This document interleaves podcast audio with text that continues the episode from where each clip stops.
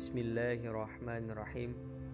Assalamualaikum warahmatullahi wabarakatuh. Ihwati fillah rahimakumullah. Allah subhanahu wa ta'ala berfirman dalam surat Al-Isra ayat 79 yang artinya Dan pada sebagian malam Lakukanlah sholat tahajud sebagai suatu ibadah tambahan bagimu. Mudah-mudahan Tuhan mau mengangkatmu ke tempat yang terpuji. Firman Allah pada ayat di atas menjelaskan bahwa betapa besarnya keutamaan dan pahala yang kita dapat di sisi Allah apabila kita melaksanakan sholat tahajud. Sholat tahajud dikerjakan minimal dua rakaat. Waktu terbaik untuk melaksanakan sholat tahajud terdapat pada sepertiga malam. Pada malam itu, kasih sayang Allah turun ke dunia. Pada malam itu, Allah turun ke dunia untuk mendengarkan langsung doa hamba-hambanya dan mengabulkannya.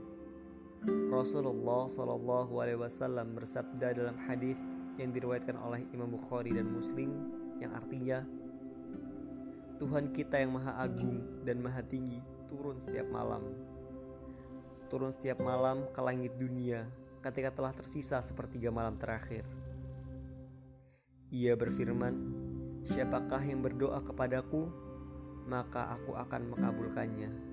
Siapa yang meminta kepadaku, maka aku akan memberikannya. Dan siapa yang memohon ampun kepadaku, maka aku akan mengampuninya. Ikhwati fillah rahimakumullah.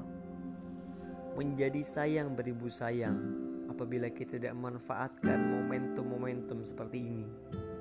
Memang Terkadang membiasakan untuk sholat tahajud sangatlah memberatkan kita. Namun, selangkah demi selangkah pasti kita bisa mendawamkan amalan ini. Syukron. Assalamualaikum warahmatullahi wabarakatuh.